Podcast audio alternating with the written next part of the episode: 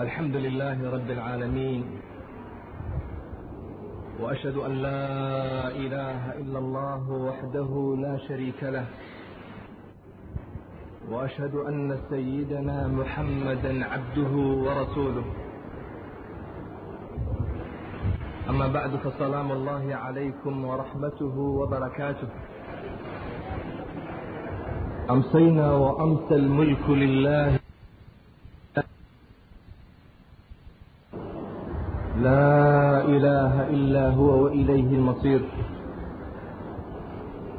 اللهم ما أمسى بي من نعمة أو بأحد من خلقك فمنك وحدك لا شريك لك فلك الحمد ولك الشكر أيها الإخوة الكرام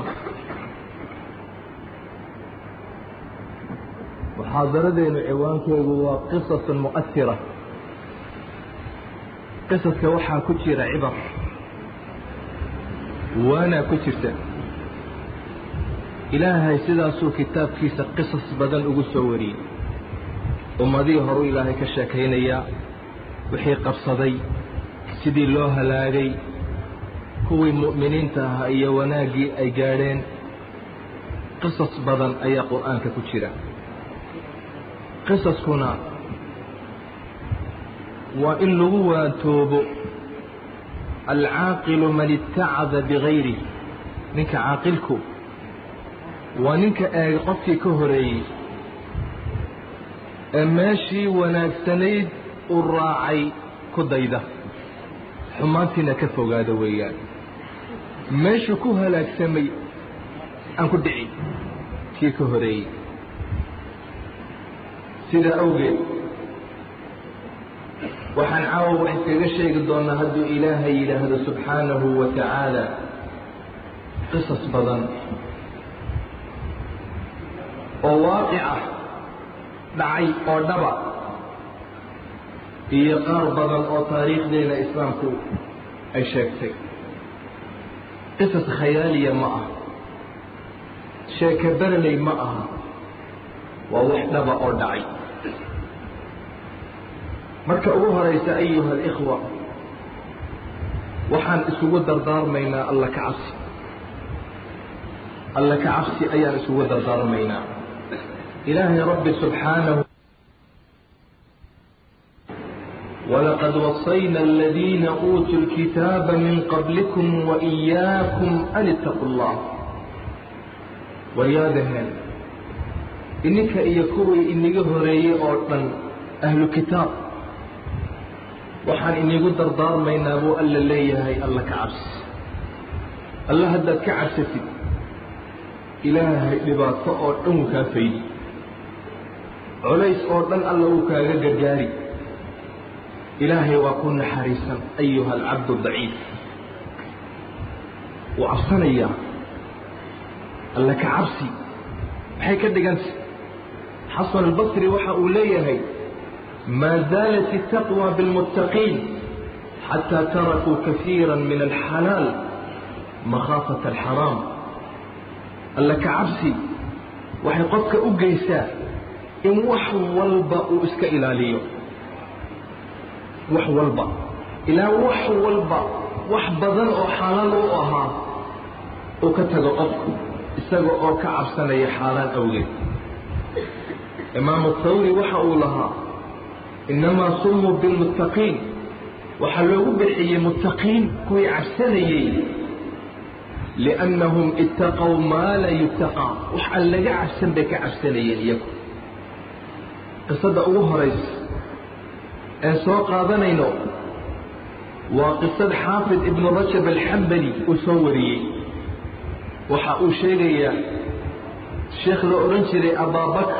moxamed abaabakr moxamed cabdilbaaqi albazaaz alansaariy dadkii salafu hadihi اlumma ayuu ka mid ahaa. Ninkaasaa sheegaya waxa uu yidhi kacbada maka almukarama ayaan jaar la ahaa. Maalin maalimaha ka mida gaajo xooglaa igu dhacday. Waan gaajooday. Waxaan cunaan waaye dariiqaan u soo baxay si aan meelahaa bal wax uga soo raadsado. Waxaan helay dariiqa aan ka helay kiish xidhan ayaan ka helay. Aada loo adkeeyey. Waan qaaday inay wax culus ku jiro ayaan dareemay. Xaggaa iyo gurigaygii ayaan isku sii daayey buu yidhi. Waan furay. Waxaan helayba waa ciqd waa kuul. Lu-lu gebigayguba ah. Luul waa macdan shay qaaliya oo nafiisa lam ara milah isaga oo kale aanan arag buuri quruxdiisa waana qaali. Gurigaan dhigtay waan farxay. In yar kadib waxaaban maqlay. Oday dhawaaqaya oo la kiish iga lumay ayaa arkay. Qofkii kiishkaa ii hela waxaan siinayaa shan boqol oo diinaar baan siinayaa. Waxa uu yidhi waan fikiray. Waxaan is kiishka miyaad u celisaa? Waad u baahanta lacag qaaliya lagaa siista luulka mise lacagta yar baan ka qaataa oon iskaga qadeeyaa waan gaajoonayaaye waxa uu yidhi waan fikiray aakhiran xasuusta. Waxaan idhi wallaahi waan u celin. Odaygii baan qacanta soo qabtay buu yidhi. Wa ji'tu bihi ilaa beyti gurigaygaan u kaxeeyey buu yidhi. Waxaan ku idhi sheeg kiishka kaa lumay calaamadiisii sheeg. Muxuu ku xidhnaa maxaa ku jiray? Wixii oo dhan buu ii sheegay. Kiishkii baan ku idhi waa kana qabso waxa uu yidhi shantii boqol ee diinaar buu iisoo fidiyo qaadoo yidhi. Waa iska diiday. Nacam waan u baahanahay buu yidhi. Shan boqol oo diinaar lacag yar ma ah aad baan ugu baahanahay. Laakiin waxaan idhi ilaahay agtiisa ayaan ka rajaynayaa ajar badan inaan ka helo. Qaado baan ku idhi waxaan adigaa le iska qaado waxaan kaa qaadanaya male. In badan buu igu diiday anna waan iska diiday buu yidhi. Waxa uu yidhi ilaahay baa og sidaan ugu baahnaa. Waan ka baxay makal mukarama ayaan ka baxay buu yidhi. Xagga iyo badda ayaan u jeestay. Doon baan koray buu yidhi. Markabkii aan sii raacnay ayaa qarrabmay dadkii way halaagsameen xoolihii way dhinteen waa lagu baaba'ay buu yidhi meesha ilaahay subxaanahu wa tacaala wuxuu igu badbaadiyey loox ayaan qabsaday buu yidhi. Keligii baa dadka ka nool. Maalmaa ku jiray baddi laa adri ayna daahib ma ogi xagga looxaasi ii wado. Laakiin waan socdaa sidaan doontii aan looxii u haystay ayaan waxaan imid buu yidhi meel jasiirada ayaan imid. Dad baa ku nool meeshaas. Meel masaajida ayaan imid. Masaajidkii baan iska fadhiistay. Qur'aanka ayaan iska akhristay buu yidhi dadkii ayaa i maqlay qur'aankii aniga oo akhriyaya. Dadkii baa igu soo ururay lacag badan bay isiiyeen qur'aankana bar bay yidhaahdeen. Sidii ayaan lacag badan ku urursaday buu yidhi. Masaaxibtii kitaab qur'aana oo taale masaajidka ayaan isku ururiyey buu yidhi. Markaasay waxay igu yidhaahdeen miyaad akhriyi kartaa qoraalka ma taqaana sida wax loo qoro. Haabaan idhi buu yidhi. Ciyaal badan bay ii ururiyeen. Noobar bay yidhaahdeen sida wax loo qoro waxna loo akriyo waxa uu yidhi waxay yidhaahdeen intaa kadib waxaanu kuu gooraynaynaa gabadh. Waa adoon lacag yarna way iska haysataa adduun yarna way iska haysataa waan iska diiday buu yidhi way igu qasbeen wallaahi inaan kuu gurin bay yidhaahdeen. Waa la ii guriyey buu ihi gabadhii. Gabadhii markii la ii keenay waxaan arkay buu yidhi iyadii oo xidhan ba kuushii luulka ahay. Tii waan garanayaa buuhi waa iyadii iyada oo qoorta ku sidata ayaan arkay. Waan yaabay aad baan u eegay buu yidhi iyadii ma eegayo kuushii maan eegaya. Dadkii way argagaxeen waa la yaabay. War inantii waad ka xishoosiisay. Annakii waanu xishoonnay maxaa dhacay? Maxaad kuusha ka eegaysaa? Luulka ah. Waxaan idhi buu yidhi luulkani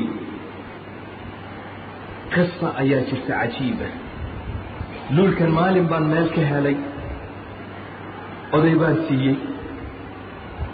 Oday raadinayey ayaan siiyey. Dadkii wuxuu yidhi mar qurata uma takbiir lagu dhuftay allaahu akbar allaahu akbar allaahu akbar. Waan yaabay buu yidhi. Maxaa dhacay? Jasiiraddii oo dhan way ugu soo urureen buu yidhi meeshii bay yimaadeen.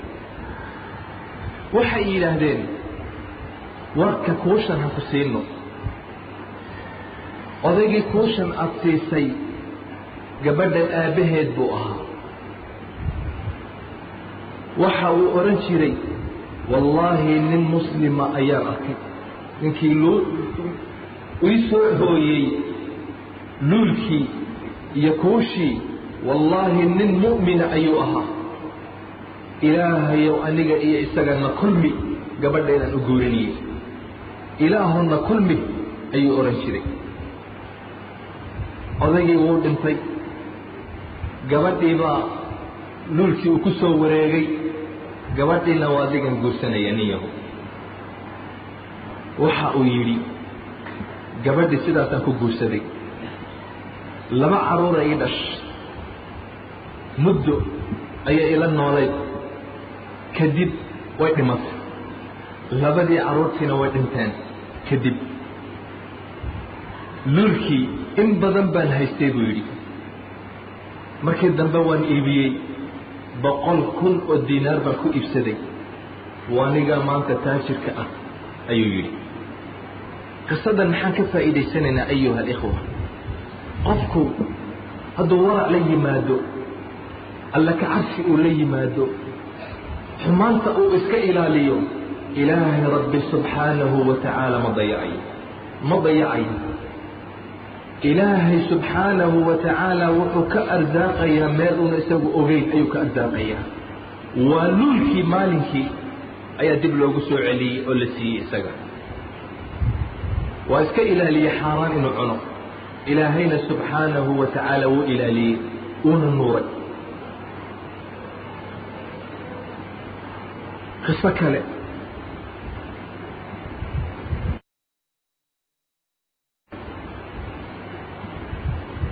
qarnigii koobaad ee hijriga ayay dhacday. Wilyam oo shaaba oo taqiya ilaahay ka cabsada subxaanahu wa tacaala ayaa maalin aada u gaajooday. Uu waayey wuxuu cuno. Waa taalib cilm. Inuu waxbatuu doonayaa wuxuu cunona wuu leeyahay waxa uu yidhi maalin ayaan beer dhex socday. Waxaan arkay geed tufaaxa oo soo biyo ay hoos socdaan laanna ay ka soo laalaado xabad tufaaxaan ka goostay buu yidhi. Markaasaan idhi waad gaajoonaysaaiyo iska cun. Markaan cunay ay gaajadii iga tagtay aan gurigii dib ugu noqday ayaan canaan bilaabay naftayda inaan canaanto waxaan idhi ninkii geed ka lahaa miyuu kuu ogolaaday inaad cuntid xaaraan baad cuntid wax aan laguu fasixin baad cuntid aad baan isku canaantay yidhi. Mu'minkuna waa sidaa had iyo jeer wuu xisaabtamaa calooshiisa wuu ilaaliyaa waxa ku dhacaya. Kurrid ma ah wuxuu bilaabay inuu fadhiisto uu fikiro kayfa akaltu haadihi tufaaxa tufaaxan sideen u cunay buu yidhi xoolo muslim weeyaan qofkii maan weydiisan wuxuu bilaabay inuu raadiyo ninkii geedkaa lahaa wuxuu yidhi sidaan u raadinayey ayaan helay oday waxaan ku idhi yaa cam adeer shalay anoo gaajoonaya ayaan soo baxay geedkan ayaan arkay xabad tufaaxan ka goostay waan cunay.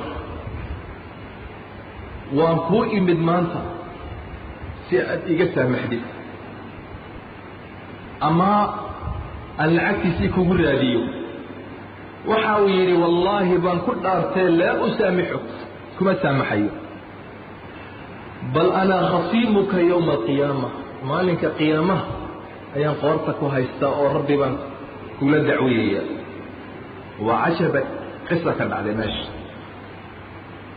wiilkii yaraa waxa uu yidhi waan ooye waa dadkii aakhiro xasuusanayay waxa uu yidhi waan ooye odaygii baan ka codsaday inuu iga cafiyo wax alla waxaad doonaysid waan kuu yeeli haddaad doontid beertaan kuu qodi bas iga saamax may buu yidhi waa iga tegey buu yidhi. Waan daba orday buu yidhi. Si walba oon u beriye waa i diiday gurigiisii buu galay. Uu igu soo iga soo xidhay buu yidhi gurigii. Albaabkii baan ishortaagay waan sugayey buu yidhi waktigu waa kululyahay waa duhur. Cadcaddu aad ba u kulosha ilaa salaadii casar intuu ka soo baxayey ayaan xaggii taagnaa buu yidhi markii uu soo baxay salaaddii casar uu u soo baxay ayaa wuxuu arkay anoo sidii u taagan. Oo ooyaya buu yidhi. Markaasaa waxa uu yidhi war maxaa ku helay? Markaasaan waxaan ku idhi yaa cammu diyaar baan ahay inaan wax walba aan kuu sameeyo. Oon beerta xataa kuu qodo. Bas isaamax waxa uu yidhi uu bilaabay wuxuu yidhi xoogaa buu fikiray. Wuxuu igu yidhi wallaahi kuma saamaxayo bishard shardi qurataan kugu saamaxaya. Waa maxay? baan idhi buu yidhi. Waxa uu yidhi gabadh baan dhalay. Wax iga guursadaan waaye. Gabadhaasi way dhegalaadahay way indhalaadahay ma hadasho mana socoto gabadhaasaan rabaa inaad iga guursato. Wax iga guursadaan waaye waa gabadha qurateen dhalay argagax baa igu dhacay buu yidhi. Way indhalaadahay way dhegalaadahay way. Maxaan ka dhigi waan yaabay buu yidhi waan argagaxay wallaahi inaana ku sii daynayn buu yidhi ilaa aada gabadhaa guursanaysa kuna saamaxi maayo waxa uu yidhi waxaan bilaabay inaan fikiro oon aada u fikiro. Waxaan is-ag dhigay ma aakhiro oo timaadid oo ilaahay ku ciqaabo mise gabadhaasood guursatid waxa uu yidhi wiil yarna waanahay ogow. Waxaan is waaye odaygii baan dib ugu noqday waan yeelay arrintii. Waan aqbalay inantaada waan guursanayaa baan idhi ilaahayna waxaan ka rajaynayaa inuu niyaddayda wanaagsan iga abaalmariyo. Wax khayr badanna inuu ilaahay isiiyo waxa uu yidhi xasanan yaa bunay ballankaagu waa maalinka khamiis. Arooskaagu maalinka khamiista ayuu dhacaya anigaana meherka bixinaya. Maalinkii khamiistii buu yidhi lugahan soo jiiday waan murugaysanahay wax badan baa ka fikirayaa buu yidhi. Xaggeen geyn. Xaggeen geyn ayaa is leeyahay buu yidhi. Albaabkii markaan soo garaacay odaygii aabbaheed baa iga furay. Hadalkaan isweydaarsanay diyaar ma tahay waan ahay soo fadhiiso waan soo fadhiistay buu yidhi. Waxa igu yidhi khalaas gabadhii waatan qabso baaraka allaahu lakumaa wacalaykumaa wajamaca baynakumaa calaa khayr. Gacantuu i qabtay maqsin kaloo igu riixay buu yidhi. Waxaan arkayba albaabkii markaan furay gabadh aada u qurux badan oo cad ajmalu min alqamar oo dayaxa ka qurux badan. Timaheegu aada u dhaadheer yihiin waan argagaxay buu yidhi indha qabta wax maqlaysa oo taagan dib baan u booday buu yidhi. Malaha odaygu wuu khaldamaan is yidhi markaase waxay tidhi assalaamu calayka yaa zawji odaygayii wanaagsanaayo marxaba soo dhowow waan argagaxay buu yidhi. Odaygii wuxuu yihi waa haweenaydaadii ee u gal waa igu soo xidhatay buu yihi aqalkii. Xuuraciin baad moodaa buu yidhi waxaan is leeyahay ma xuuraciinna soo soo degtayba waa in rumaysan laadahay saan u argagaxsanahay buu isagu ayuu yidhi. Waxay i tidhi nacam aabbahay beenkumuu sheegin. Waan indhalaayahay xaaraan ma eego. Xaaraanta waan ka indhalaayahay. Waan dhagalaayay oo xaaraan ma dhegayso. Xaaraanna kuma hadlo. Xaaraanna uma socdo waxaasoo dhan ayaan ka indhalaayahay guti waxa uu yidhi ilaahay subxaanahu wa tacaala waxa uu isiiyey naag aada iyo aada u dabeecad fiican akhlaaq fiican ayuu isiiyey cilmi badan. Waa tufaaxii aan iska ilaaliye xaaraan ahaanna ku cuno. Ma taqaanaan haweenaydaasi ayay dhashay. Waa abu xaniifa imaamkii la odhanayey abu xaniifa hooyadii weeyaan. Odayguna waa abu xaniife aabihii haabit odaygii la odhanayey weyn. Abu xaniifa afarta madhabado wa taqaanaan ma? Abu xaniife iyo maalig iyo shaafici iyo axmed ibnu xambal waa abu xaniife aabihii weeyaan ilaahay waxa uu leeyahay ومن يتق الله يجعل له مخرجا ويرزقه من حيث لا يحتسب ninkii ilaahay ka cabsada ilaahay makhraj buu u samaynaya markay dhibaata ku qabsato ilaahay wadayar buu kuu furaya subxaanahu wa tacaala meel aad filayna ilaahay uu ka arsaaqaya meel aad filayn ayuu ilaahay kaa arsaaqay naag fiican buu guursaday qurux badan akhlaaq fiican. Waka. Waxay u dhashay nucmaan ibnu haabit abu xaniifa ayay u dhashay. Ibnulmaari markuu ka sheekaynayay abu xaniifa waxa uu yidhi waxa uu ahaa afqahu nnaas abu xaniifa. Dadka waxaa ugu faqihsanaa ugu caalimsanaa abu xaniifa. Maa ra'aytu fi lfiqhi milahu fiqiga wax ku gaadhaya lamaba arag buu leeyahay. Imaam shaafici markuu ka warramayay waxa uu yidhi annaasu fi lfiqhi ciyaalun calaa abi xaniifa. Dadku fiqiga waxay ku yihiin ciyaalba u yihiin abu xaniifa marka loo eego. Wax gaadhaya male abu xaniifa. Annadr ibnu shumaylna waxa uu yidhi kaana annaasu niyaaman can ilfiqhi dadku fiqiga way ka hurdeen. Fiqiga waxa la yidhaahdo dadku may oqon ilaa uu soo baxay abu xaniifa uu toosiyey dadkiiba. Uu u bayaaniyey fiqigu waxa uu yahay. Ilaahay haddaad ka cabsatid ilaahay rabbi subxaanahu wa tacaala ka hoojini maayo. Waa alle ka cabsi taas. Ka labaad addunya ibtilaaءun wa imtixaan adduunku waa ibtilaa waa meel la isku imtixaanayo adduunkani ma aha meel la cunayo oo la cabayo oo la isku imtixaanayo imtixaan baa jira meesha waa lagu eegayaa imtixaan baa lagaa qaadaya. Inaad ku guulaysan iyo in kale. Inaad sabri iyo in kale. Xanuun baa jira. Muud baa jira. Masaa'ib badan baa jira. Ilaahay subxaanahu wa tacaala waxa uu eegayaa miyaad ku sabri mise waad argagixi? Maad ordi od ooyi od odhani musiiba ay qabsatay mise waxaad odhani inna lilaahi wa inna ilayhi raajicuun. Waa lagu eegayaa. Qisad baanu soo qaadanaynaa. Taabici jaliila curwa ibnu zubayr qisadiisii.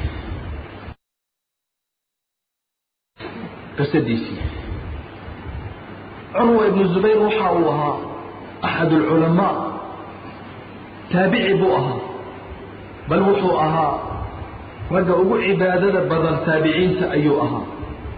Aabbihii wuxuu ahaa zubayr ibn alcawaam buu ahaa saxaabigii la odhanayey ayuu ahaa xawaariyu rasuul buu ahaa calayhi salaatu wasalaam hooyadiina waxay ahayd asmaa binti abi bakr sidiiq abubakr sidiiq gabadhiisii asmaa la odhanayey ayay hooyadiina ahayd.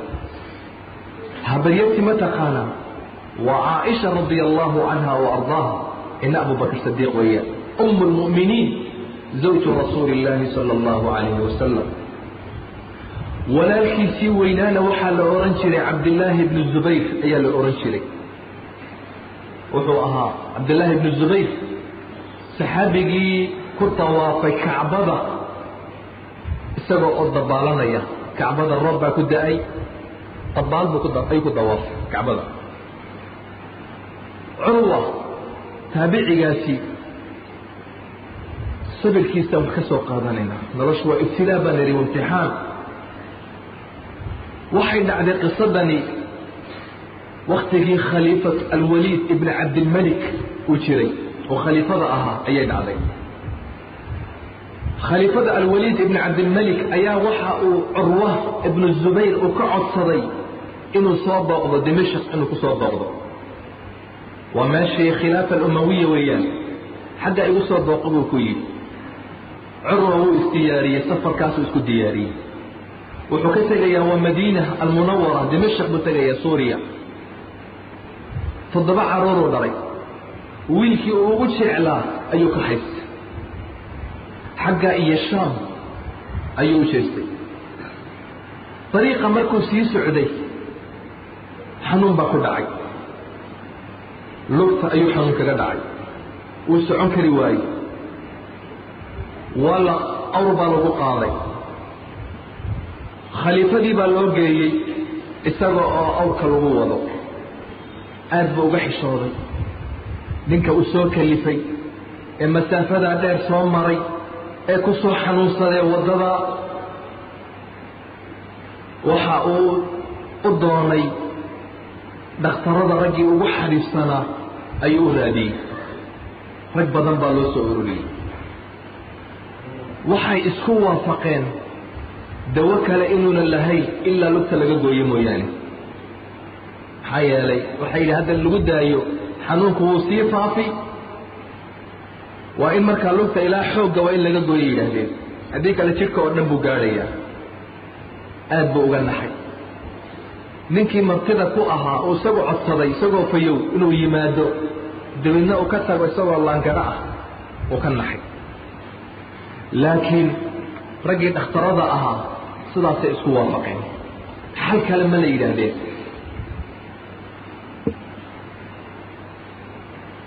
Markii loo sheegay isagii curwaha la yidhi lugta lagaa goynaya intaa cidhibs ilaa xoogga waxa uu yidhi allaahumma laka alxamd ilaahayo adigaa mahadle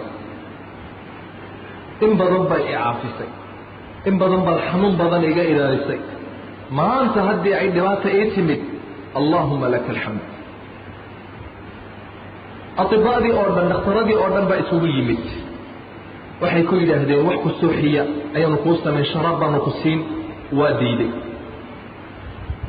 waxay yidhahdeen waad xanuunsani lugta markaanu kaa goynay miishaariya lagaa goynayay marka waxay yidhahen waad xanuunsan waa inaan ama khamro ku siino si aad u dareemin ama sharaab kale aan ku siino waxa oo dhan wuu iska diiday waxay yidhaahdeen maxaa yeelna haddaba?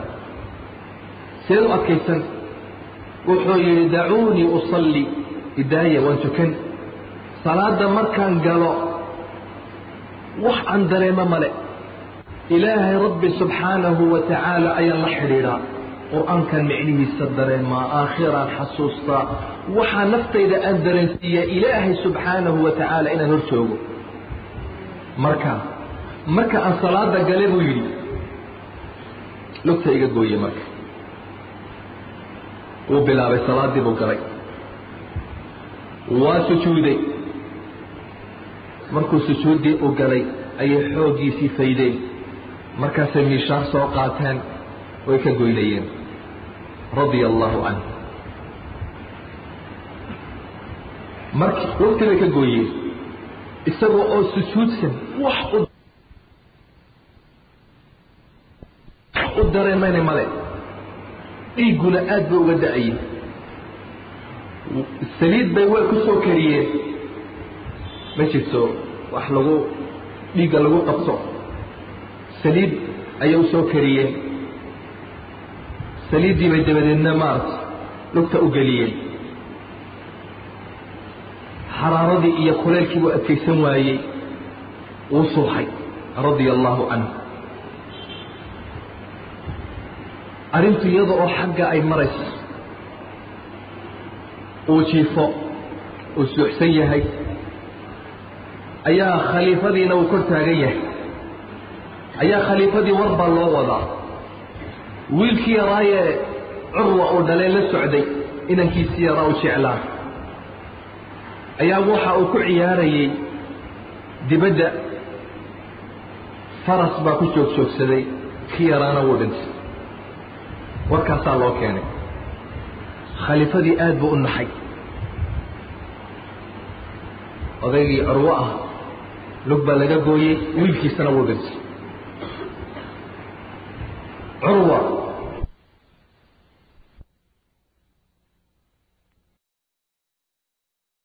kacay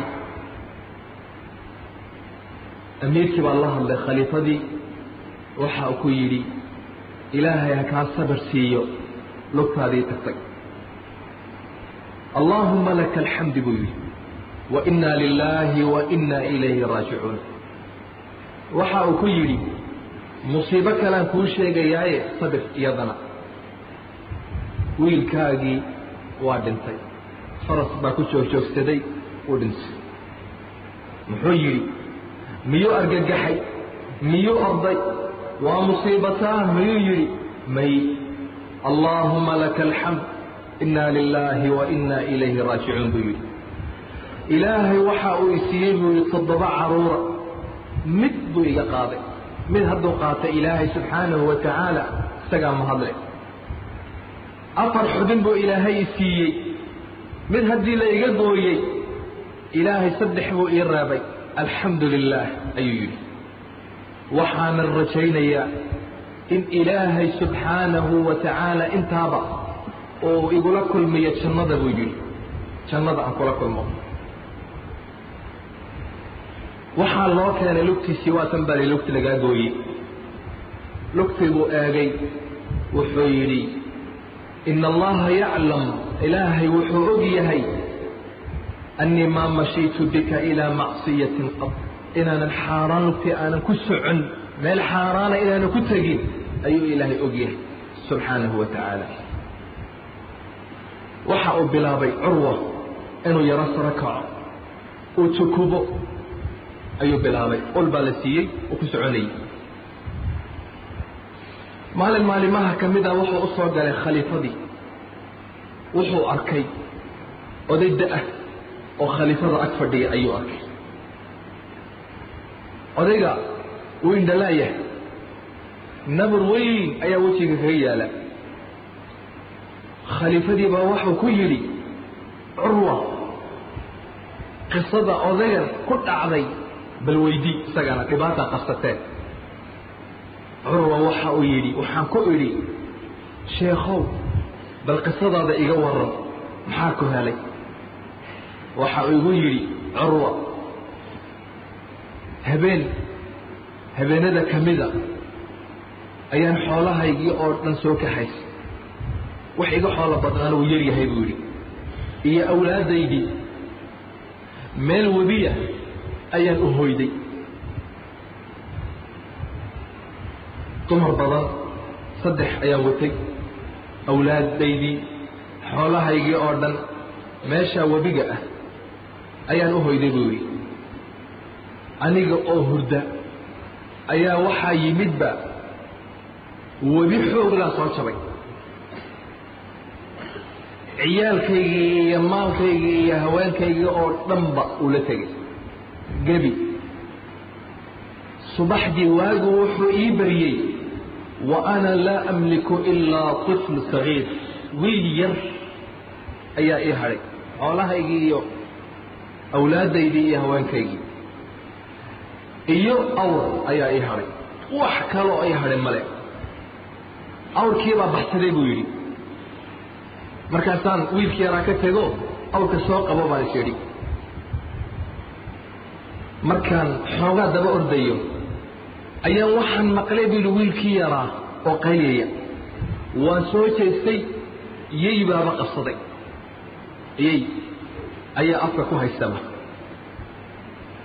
dib baan u soo noqday si aan wiilka yar uga rido. Laakiin wuuba cunay buu yidhi. Wuu googooye maxaan samayn awrkii gaadh baa is yidhi buu yidhi. Awrkii aan daba orday ayaa igu soo jeestay anigii. Wuuna igu tuntay buu yidhi. Wejigan aad arkaysay naburkan awrkii baa sidaa ii galay. Curwa waxa uu yidhi waxaan ku idhi maxaad leedahay haddaba maxaad samayn? Waxa uu yidhi odaygii waxaan leeyahay allaahumma laka alxamd taraka lii qalban caamira walisaanan daakira. Ilaahayow mahad oo dhan adigaa leh qalbi baad isiisay caamira iimaan ka buuxo dikrigii ilaahay iyo ka buuxo. Iyo carab ayaad ii reebtay aan kugu xusaya ilaahayo subxaanahu wa tacaala bal cajiib u fiirsada iimaan buu hayaa. Wax u hadhay male. Wax u hadhay male. Qalbi buu hayaa iimaan buu hayaa. Wax qofku hadduu iimaan u hayo nimcad oo dhan wuu haysta. Innakuna maanta qofku hadduu masruurkiisii u waayo waxa ku leeyahay ilaahay dee wadda iga jeexda waayahan buu ku leeyahay.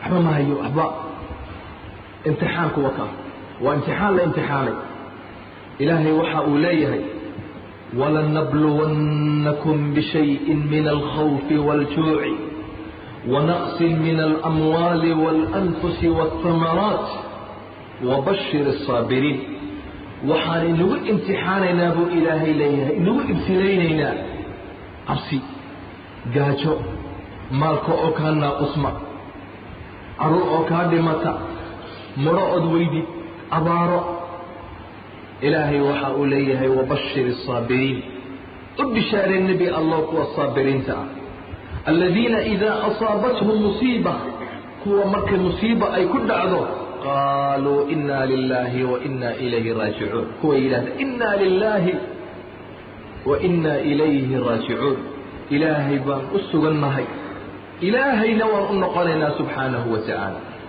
calayhim salawaatu min rabbihim waraxma wa ulaa'ika hum lmuhtaduun kuwaasuu ilaahay subxaanahu wa tacaala u naxariisanaya kuwaasuu ilaahay badbaadinayaa subxaanahu wa tacaala ayuha alkiraam ta saddexaad waxaan kaaga digayaa aniga naftayda iyo adigaba macaasida ilaahay macaasidu waa dhib caliy bni abi aalib waxa uu yidhi radia allaahu canh maa nazla balaaءun ila bidamb wamaa rufica ila bitawba musiiba ma soo degto buu yidhi balaaya ma soo degto ilaa hadday soo degto waxay la soo degtaa waa dembi dembi la sameeye weeyaan balaayadaa lama faydo lama kor yeelo ilaa waxaa lagu faydaa ama lagu kor yeelaa waa toobad uu qofku toobad keeno ayaa lagu faydaa. Qisadan dhegayso gabadh. Jaamacadda dhigata. Qismiga cilmi nafsi la yidhaahdo ayay dhigataa saddex hablood ayay walaalala tahay odayga aabbaheed waa oday da'a hablahaasuu koriyaa. Dukaan buu ka shaqeeyaa. Dukaan ayuu ka shaqeeyaa. Dukaan isagu uu leeyahay weeyaan. Gabadha waa gabadh ede badan diraasadeeda way ka adagta aad ba u akhlaaq badan tahay. Hablaha ay la dhigato aad bay u jecel yihiin. Waxay tidhi maalin maalimaha ka mida ayaan ka soo baxay jaamacaddii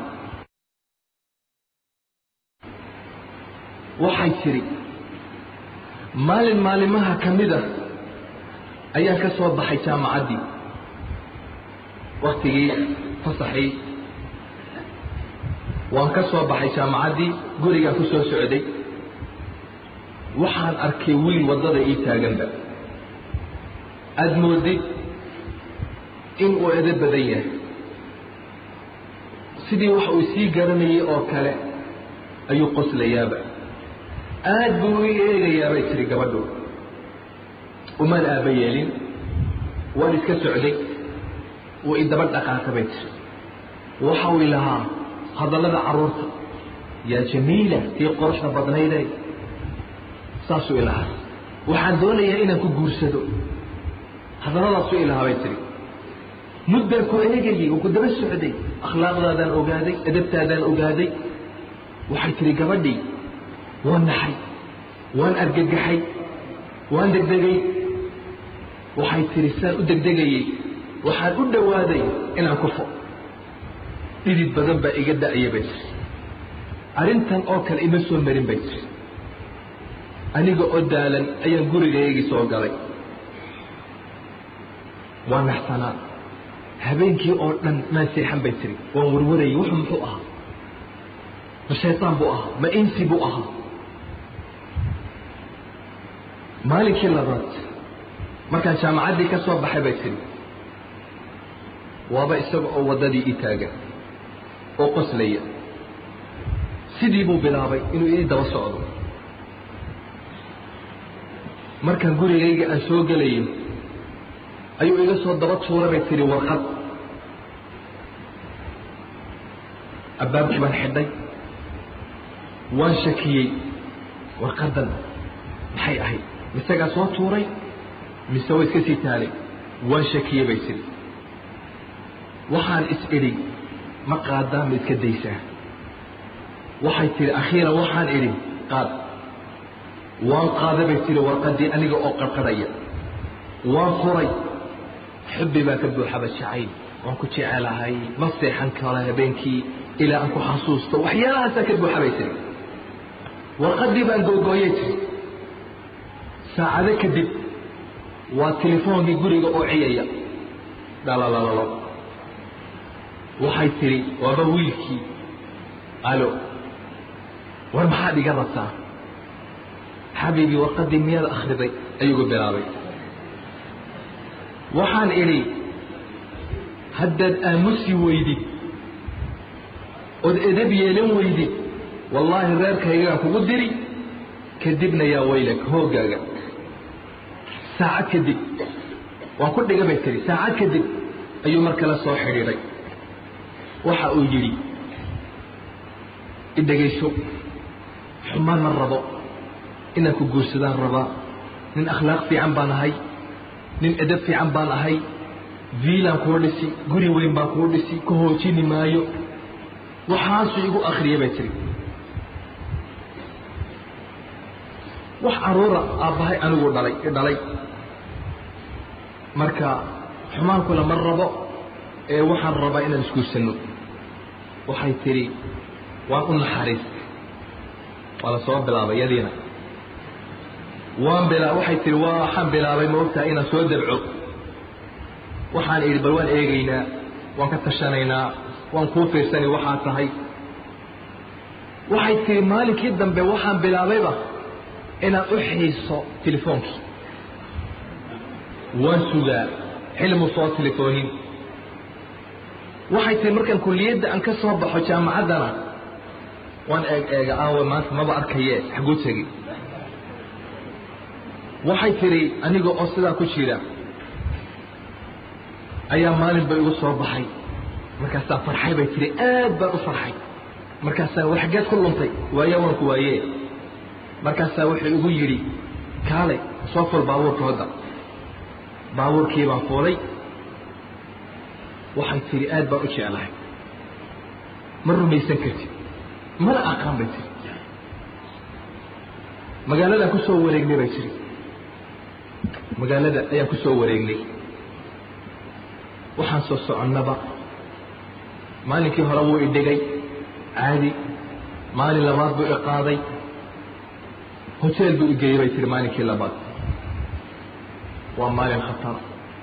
Waa maalinkaan hoogo bay tihi. Aan hoogay waa maalinkaan ceeboobi doona bay tihi noloshoodu ay baabi'i doonto. Caadi waan iska fadhiisannay waan iska sheekaysannay waxaan iloobay bay tihi nebi moxamed sala allahu calayhi wasalam hadalkiisii muxuu yidhi nebigu laa yakhluwanna rajulun biimra'a nin naag cidlo lama noqdo lama keliyoobo naag ilaa hadduu la keliyoobo kaana haaliuhuma shayطaan ka u saddexeeya waa shayطaan waan iska iloobay bay tiri xadiiska. Siduu igu sheekaynayey khalaas. Mushkiladdii baan ku dhacnay tir sharkii baan ku dhacnay. Cawradaydii buu fayday bikirkii buu jebiyey dhibaataa gaadhay meeshii waan ku hoogay ku balanbala bay tiri anoo argagaxsan ayaan kacay. Maadaa facalta bi maxaad igu samaysay? Hoogayga anoo leh. Markaasuu yidhi may istaji islaantaydaa tahay waan ku guursanaya dhowaan maxaa ka micnaa waxay tihi aniga oo argagaxsan oo wareersan ayaan dib u soo noqday oo lugaha jiidaya ilaa iyo gurigayagii dadkii way yaabsan yihiin. Waan bedelanahay baa si kalaan ahay. Ma garanayo? Maxaan sameeyaa? Adduunkii uu ila madoobaaday bay tiri waan ooyayaa? Aad baan u ooyayaa. Tacliintii waan ka tegey. Xaaladaydii aad bay u xumaatay isaguna telefoonkii uu iga goostay. Meeshuu galana ma aqaan. Aawa goorkii aawa arrimihii maalimo badan baa sidii ku tegey. Cajiib arrin baa dhacday. Waxaa dhacay telefoon baaba ii soo dhacay. Waan ku orday waaba isagii. Waxaan doonayaa arrin muhiima ku hayaa inaan kula kulmo waxay tihi waan farxay waan bishaaraystay. Khalaas waa waktiguu i guursanaya malaha waxay tidhi meel baan ku ballannay waan kulannay bay tidhi. Wuuba xanaaqsan yahay. Wuxuu igu yidhi laa tufakiri fii amri zawaaji abadan. Ha ku fikiri inaan ku guursado. Ha ku fikiri marka ugu horaysa haba ku fikiri inaan ku guursado waxaan doonayaa inaan wala noolaano bes. Asxaab baan noqonayna wala noolaanayna wala tumanayna khalaas guriya waxaan maxaa keenayaba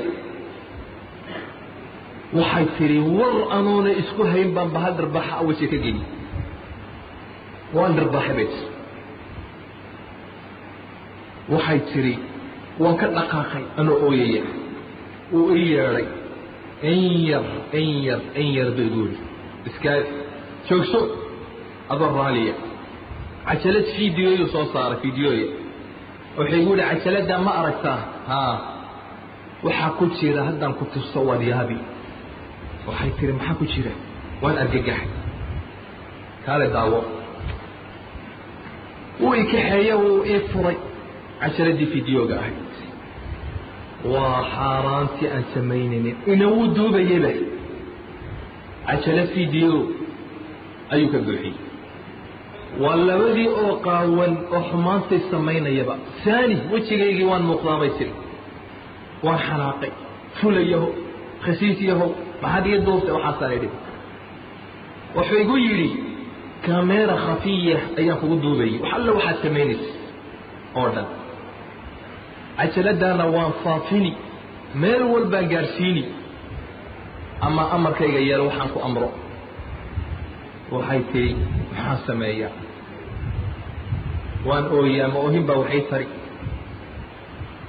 Arrintu anigoo imika ima khusayso. Caa'iladayda qoyskayga oo dhan bay khusaysaa. Magac bay leeyihiin waa dad la yaqaano waa dad sharaf leh. Uu faafin cajaladda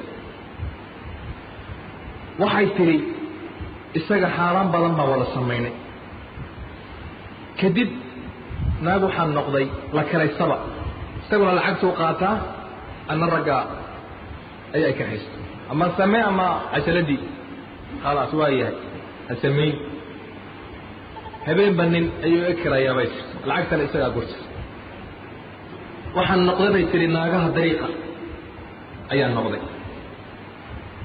Inkaar qabuhu intaa igumuu deen bay tiri cajaladiina wuu faafiyey wuu bediyey cajaladihii waxaa helay mid ka mida in adeerkay baa helay. Aabbahay iyo reerkaygiibuu soo ururiyey uu daawasiiyey fadiixa ka dhacday meesha aabbahay miyuu ooyaa? Muxuu sameeyaa xagguu tagaa ceeb baana qabsatay? Reerkii oo dhan buu kaxeeyey buu yidhi anuu khalaas lama galaba iyo kabay ku leedahay hadda. Dibaddan gala. Waxa ay tidhi hablaha yagii buu kaxeeyey magaalo kale u guureen. Meel walba si ay ceebtooda isku qariyaan meel walba waa lagu hadalhayaa. Waxay tidhi wiilkaa intee u xanaaqsanahay? Maxaad u malaynaysaa? Habeen baa wuxuu ii soo galay isagoo aada u sakhraansan ba hal midiyaan diyaarsaday maanta ka argoostaan is idhi markuu soo galay ayaan qabadsiiye bay tiri mididii waan ku celceliyey wuu dhintay waa la iqabtay anigiina. Xabsin baa ku jiraa xabsi daa'im baa la igu xukumay. Waxay tidhi waxaan u digayaa dadka oo dhan ragga hadalka macaaneeya waan uga digayaa. Hablaha jaba ee markaaba ragga hore ka raaca waan u digayaa. Aabbahay wuxuu dhintay bay tidhi isaga oo le xasbiya allahu wa nicma alwakiil inantaydee waan kuu xanaaqsanahay ilaa qiyaamaha kuma saamixin isaga oo le ayuu dhintay waxaa qisadani waa qiso runa dawla islaamiya ayayna ka dhacday sheekh la yidhaahdo sheekh axmed ibn cabdilcaziiz alxasiin ayaa kitaab ka qoray waxaan leenahay ha la is ilaaliyo xaaraanta ha la iska ilaaliyo waa khatarteeda.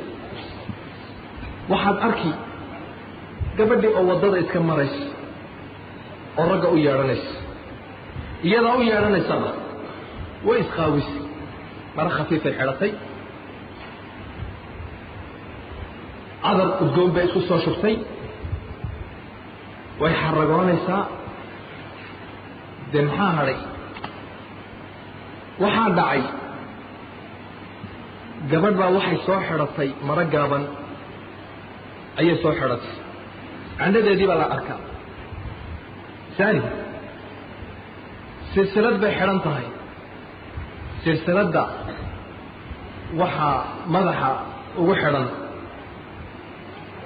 dahab yar oo diyaarad ka samaysan ayaa xagga hore ku xidhan. Mid baa arkay aad buu u eegayay laabteeda. Waxay mooday inuu inuu diyaaradda eegayo. Waxay ku tiri war waad i eegaysaa ma diyaaraddana ku cajab gelis.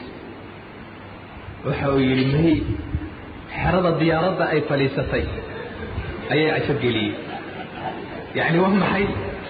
Way isqaawisay wax u hadhe male xeradan daawanayaa buu yidhi. Waa imtixaan. Ayuha alikhwa suu'u lkhaatima wax la yidhahdaa jira. Qofku hadduu macaasida iska laaqdo oo dunuubta iska laaqdo ilaahay subxaanahu wa tacaala khaatimadiisa wuu xumeeyaa. Macaasida badan suu'u lkhaatimay keentaa qofku inuu laa ilaaha ila allahba uu xasuusan waayey hadhow ayaa timaada waxaa dhacay wiil yar waa nin weyn wiil yar odhan mayno waa nin weyn. Ayaa markii sakaraatulmowtkii u yimid ayaa loo yimid. Waa la xasuusinayaa laa ilaaha ila allah habluhuu eryanayey khamraduu iska cabayey salaad ma yaqaano diinta iyo ilaahay wuu caayaa. Muslimna wuu sheeganayaa maxamed ama cali wuu sheeganayaa in la yidhaahdo. Markii loo yimid ee la xasuusiyey laa ilaaha ila allah waxaa lagu yidhi qul laa ilaaha ila allah waa sakaraatulmowtki qul laa ilaaha ila allah war laa ilaaha ila allah dhe haddana kale ku hadlaya. Waa lagu kari waayey laa ilaaha ila allah akhiiran wuxuu yidhi kitaabka qur'aanka isiiya kitaabka qur'aanka isiiya buu yidhi. Kitaabkii qur'aanka loo keenay dadkii way farxeen waxay yidhahen mana hadduu laa ilaaha ila allah odhanaya mana hadduu toobad keenaya. Waxa uu yidhi intuu kitaabkii qur'aanka u qaaday ushhidukum annii qad kafartu birabbi hada almusxaf waxaan ini marageli markhaati iniga dhigayaa in aan ka gaaloobay rabbigii kitaabkan soo dejiyey. Markaasuu kitaabkii tuuray sidiibu ku dhintay waa qisa xaqiiqiya saasuu ku dhintay waxaa kaloo jiray wiil yar shaab xusn alkhaatima ilaahay siduu khaatimadiisii u wanaajiyey eg waxay ka dhacday riyaad bay ka dhacday sacuudiga waxa uu leeyahay axad الصaalixiin baabuurkaygan watay suuqaan socday waxaan arkay wiil yar oo gabadh daba socda oo tistisahaya u yeedhaya. Waan isku qabtay. Maad wax u sheegtaa mise waad ka daysaa waxa uu yidhi akhiiran waxaan idhi wax u sheeg. Baabuurkii baan ka dhaadhacay wiilkii yaraa baan u yeedhay. Waan u naseexdeeyey ilaahay ka cabsaan ku idhi wuxuu imoodayey nin hay'adda u shaqeeya imoodayey hay'at alamr bilmacruuf baa jira wanahyi cani lmunkar sacuudiga. Oo dadka garaaca qofkii sharka sameeya ayaa jira. Waxaan ku idhi hay'adda ka mid ma ihi askarina ma ihi. Laakiin waxaan ahay nin kuu naseexaynaya haddaad naseexada aqbashid waa khayr haddaad diididna waa adiga. Kadib wiilkii yaraa baan waaniyey buu yidhi aakhiraan ugu xasuusiyey wuu lilmeeyey buu yidhi wuxuu yidhi sheekhow dunuub badan baan laaqanayey dembi badan baan soo sameeyey ilaahay toobadan muu iga aqbalaya? Haa baan yidhi ilaahay uu ka aqbali toobadkeen wuxuu idhi telefoonkiisii baan qaatay. Laba usbuuc kadib laba toddobaad kadib ayaan telefoonkiisii xasuustay oon helay. Waan u telefooniyey buu yidhi. Wakti subaxa salaadii subax kadib ayaan u telefooniyey si aan salaada subaxna u kiciyo aan u salaamana. Waxa uu yidhi waxaan ku idhi miyaad i garan? Wuxuu yidhi haa waan codkan waan garanayaa. Waxaad tahay sheekhii iwaaniyey ee xaqii ifahansiiyey sheekhow ilaahay fadligii salaadii waan tukadaa waan toobad keenay berigiiba xumaan igu dambeeyey. Waxaan idhi waxaan rabaa inaan kula kulmo ee xaggee kugula kulmaa. Wuxuu yidhi gurigayga gurigii buu ii tilmaamay salaada casar kadib. Xaggaan ku kulanno wuxuu yidhi doorkii kadib martibaa ii timid. Ballankii waan ka dib dhacay. Maqribku markuu soo dhowaa ayaan is iminka ma u tagtaa waa iska daysaa. Akhiiran waxaan idhi buu waan u tegi gurigii baan tegey wuxuu yidhi abbaabkan garaacay odaybaa iga furay yaro murugaysan waxaan ku idhi aawa hebel. Wuxuu yidhi hebel haa. Si cajiib uu eega buu yidhi hebel haa. Wa iga foorsaday buu yidhi. Wuxuu igu yidhi buu yidhi aniga hadda iska maydhaya ciiddii wiilkii waan soo aasnay in yar kadib baan soo aasnay waxaan ku idhi anuu argagaxsan ayaan waxaan ku idhi buu yidhi oo saagan wala hadlayne haa buu yidhi salaaddii duhur wuu tukaday kadib masaajidku fadhiistay qur'aanku akhristay guriga ku soo noqday lasaas buu yidhi wuu yala seexan. Sidii bay nafta kaga baxday. Mana qadayn qadadii ka hor buu dhintay.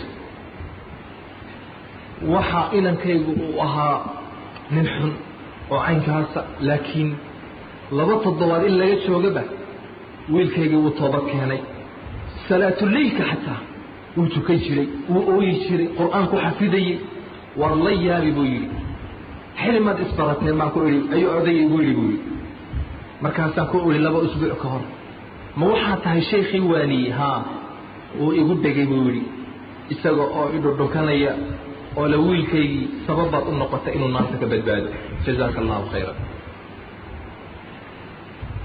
nacam ilaahay subxaanahu wa tacaala xusnu lkhaatima ayuu siinayaa khaatimadiisa wuu wanaajinayaa nin walba oo dadaala nin walba oo ilaahay ma hoojinayo ninkii toosnaada إن الذين قالوا ربنا الله ثم استقاموا إلهي سأسولية كوي الله إن الذين قالوا ربنا الله uma istaqaamuu kadibna toosnaaday buu ilaahay leeyahay. تتنزل عlayهm المalaaئkaة anlaa تkhاafوu وlaa تحزنوا وأbشirوu bالجaنaة اlatii kuntum توucaduun malaa'igta jannadaa u imanoo u bishaaray markay naftu ka baxayso. Ha cabsanina ha murugoonina ku bishaaraysta janno iyo wanaag baa loo odhan waa loo dhibrin waxa uu yidhi sheekha la yidhaahda cabbaas bataawi qisadan la dhegayso waxaa ila soo xidhiidhay buu yidhi sheekhan cabbaas bataawi waa sheekh markii qofkii dhintay ayuu maydhaa maydku maydhaa waxa uu yidhi waxaa ila soo xidhiidhay nin wanaagsan oon u malaynaya dadka saalixiinta ila soo xidhiidhay. Anoo gurigayga jooga salaaddii casar kadib maalin jimco ay ahayd buu yidhi. Waxa uu yidhi sheekhow kaalay nin baa dhintay ood u maydhiyey dhakhtarkan tegey. Waxaa ninkii baa laga soo saaray maydkii. Wuxuu yidhi markii aan doonnay inaan u maydhno waxaan arkay gurigii waxaaba jooga dad fara badan ayaa jooga. Farabadnida dadka meesha jooga waan ka yaabay buu yidhi. Waxaan idhi buu yidhi maxaa sidan loogu soo buuqay? Dadkan faraha badani maxay yihiin? Wuxuu igu yidhi aabbihii ayaa igu yidhi buu yidhi. Waxay u yimaadeen waxay maqleen. Ilaahay khaatimadiiba u hagaajiyey oo isaga oo salaad ku jira ayuu dhintay marka dadku markay maqleen dadkii masaajidka oo dhan ayaa yimid. Waxa uu yidhi odaygii baa sheekaynaya wiilka dhalay aniga iyo ciyaalkayga oo dhan baa salaaddii jumcahaanu nimid. Imaamkii markii khudbaddii uu dhammeeyey ee salaaddii loo kacayo sujuuddii labaad wiilkaygu isaga oo sujuudsan ayuu dhintay isaga oo sujuudsan. Dad badan maanta waxay dhintaan iyaga oo khamro cabaya iyaga oo zinaysanaya isaga oo jaad cunaya isaga oo xumaan ku jira isaga oo nolol xun si xun bay u dhintaan. Kani wuxuu dhintay aqrab maa yakuunu alcabdu ila allah wa huwa saajid. Isagoo oo sujuudsan ayay naftu ka baxday. Waxa uu yidhi odayga markuu intaa ii sheegay ayaan waxaan idhi waan u maydhayaa imaamkii ayaa yidhi masaajidka. Wallaahi masaajidkaygu ku dhintee anaa u maydhaya wuxuu yidhi waayahay baan u maydh dibaddaa ku sugayey wuxuu